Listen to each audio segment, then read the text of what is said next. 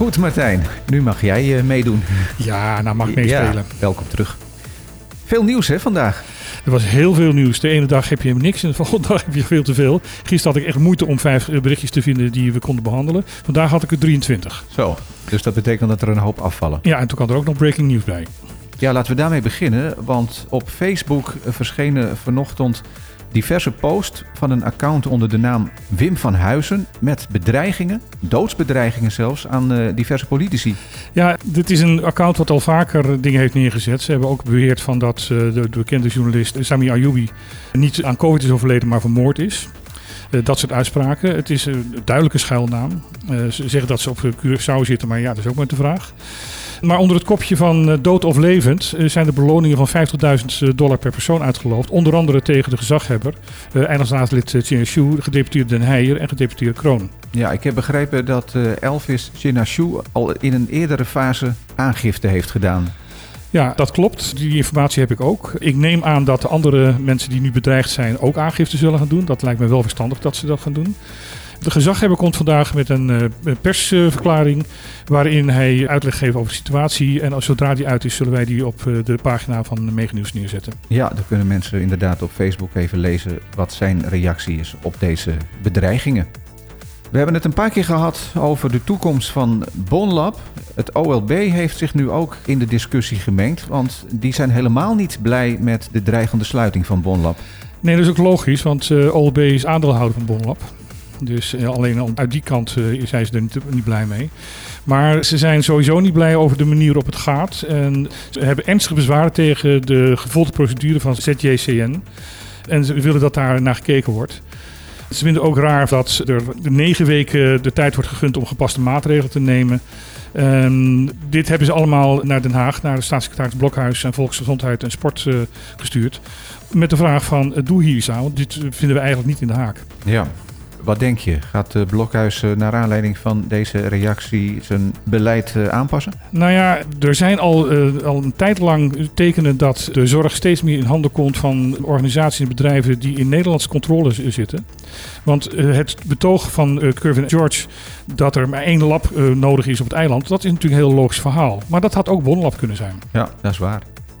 Armoede in de West. Het staat gelukkig ook in Nederland op de agenda. En we krijgen, we als Bonaire, uit onverwachte hoek een beetje steun. Ja, dat klopt. Sinds wij een vastkamercommissie in de Tweede Kamer voor koningsrelaties, die veel actiever is, wordt ook de pers daar actiever in. Nu komt er een stuk, een redactionele stuk van de heer Zuidervaart, chef van de politieke redactie van Trouw. Die uh, zegt van het is beschamend dat er armoede is in de West. Hij gebruikt expres uh, die, die term.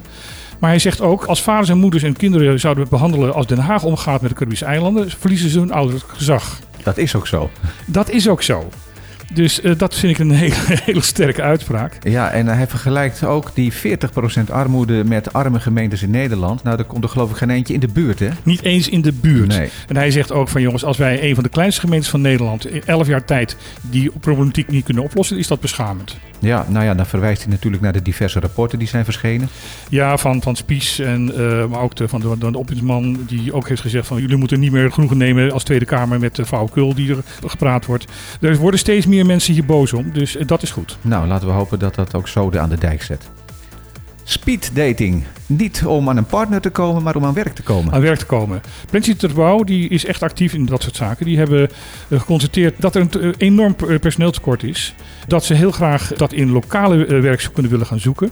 En er is dus nu een soort speeddate dag georganiseerd om werkgevers en werknemers met elkaar uh, in contact te brengen. Dat zal op 11 november gebeuren van 10 uur s ochtends tot 2 uur s middags. Ja, bij uh, Jong Bonaire. Bij Jong Bonaire, ja. ja. Je kunt je aanmelden door een mailtje te sturen naar speedmeet op zijn Engels at op zijn papierment.com. Nou, dat moeten we ook maar even online zetten, want dat snapt niemand, denk ik, als je dat zo hoort.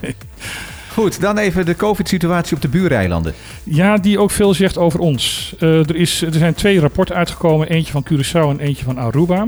In Curaçao wordt er gezegd dat sinds 22 juli tot aan 1 november Er 214 mensen zijn met corona die zijn opgenomen in het ziekenhuis. Daar zijn 198 personen niet gevaccineerd van. Dus ruim boven de 90 procent. Ruim boven de 90 procent. En er waren vier personen die wel gevaccineerd waren, maar die hadden uh, problemen met hun immuunsysteem. Ja, is dat op Aruba wezenlijk anders? Nee, dat is, op Aruba is dat uh, eigenlijk op alle eilanden is dat hetzelfde.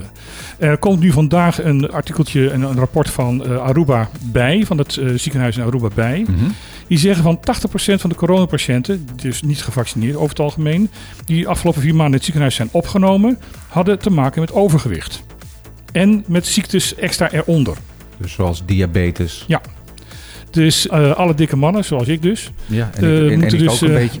we moeten heel hard gaan hollen. Willen we dus niet in het ziekenhuis belanden ja, dus, COVID. Dus inderdaad, heb je onderliggende klachten, dan is het extra verstandig om je te laten vaccineren. Want het blijkt gewoon dat ja. de kans om in het ziekenhuis terecht te komen ongeveer 80% is.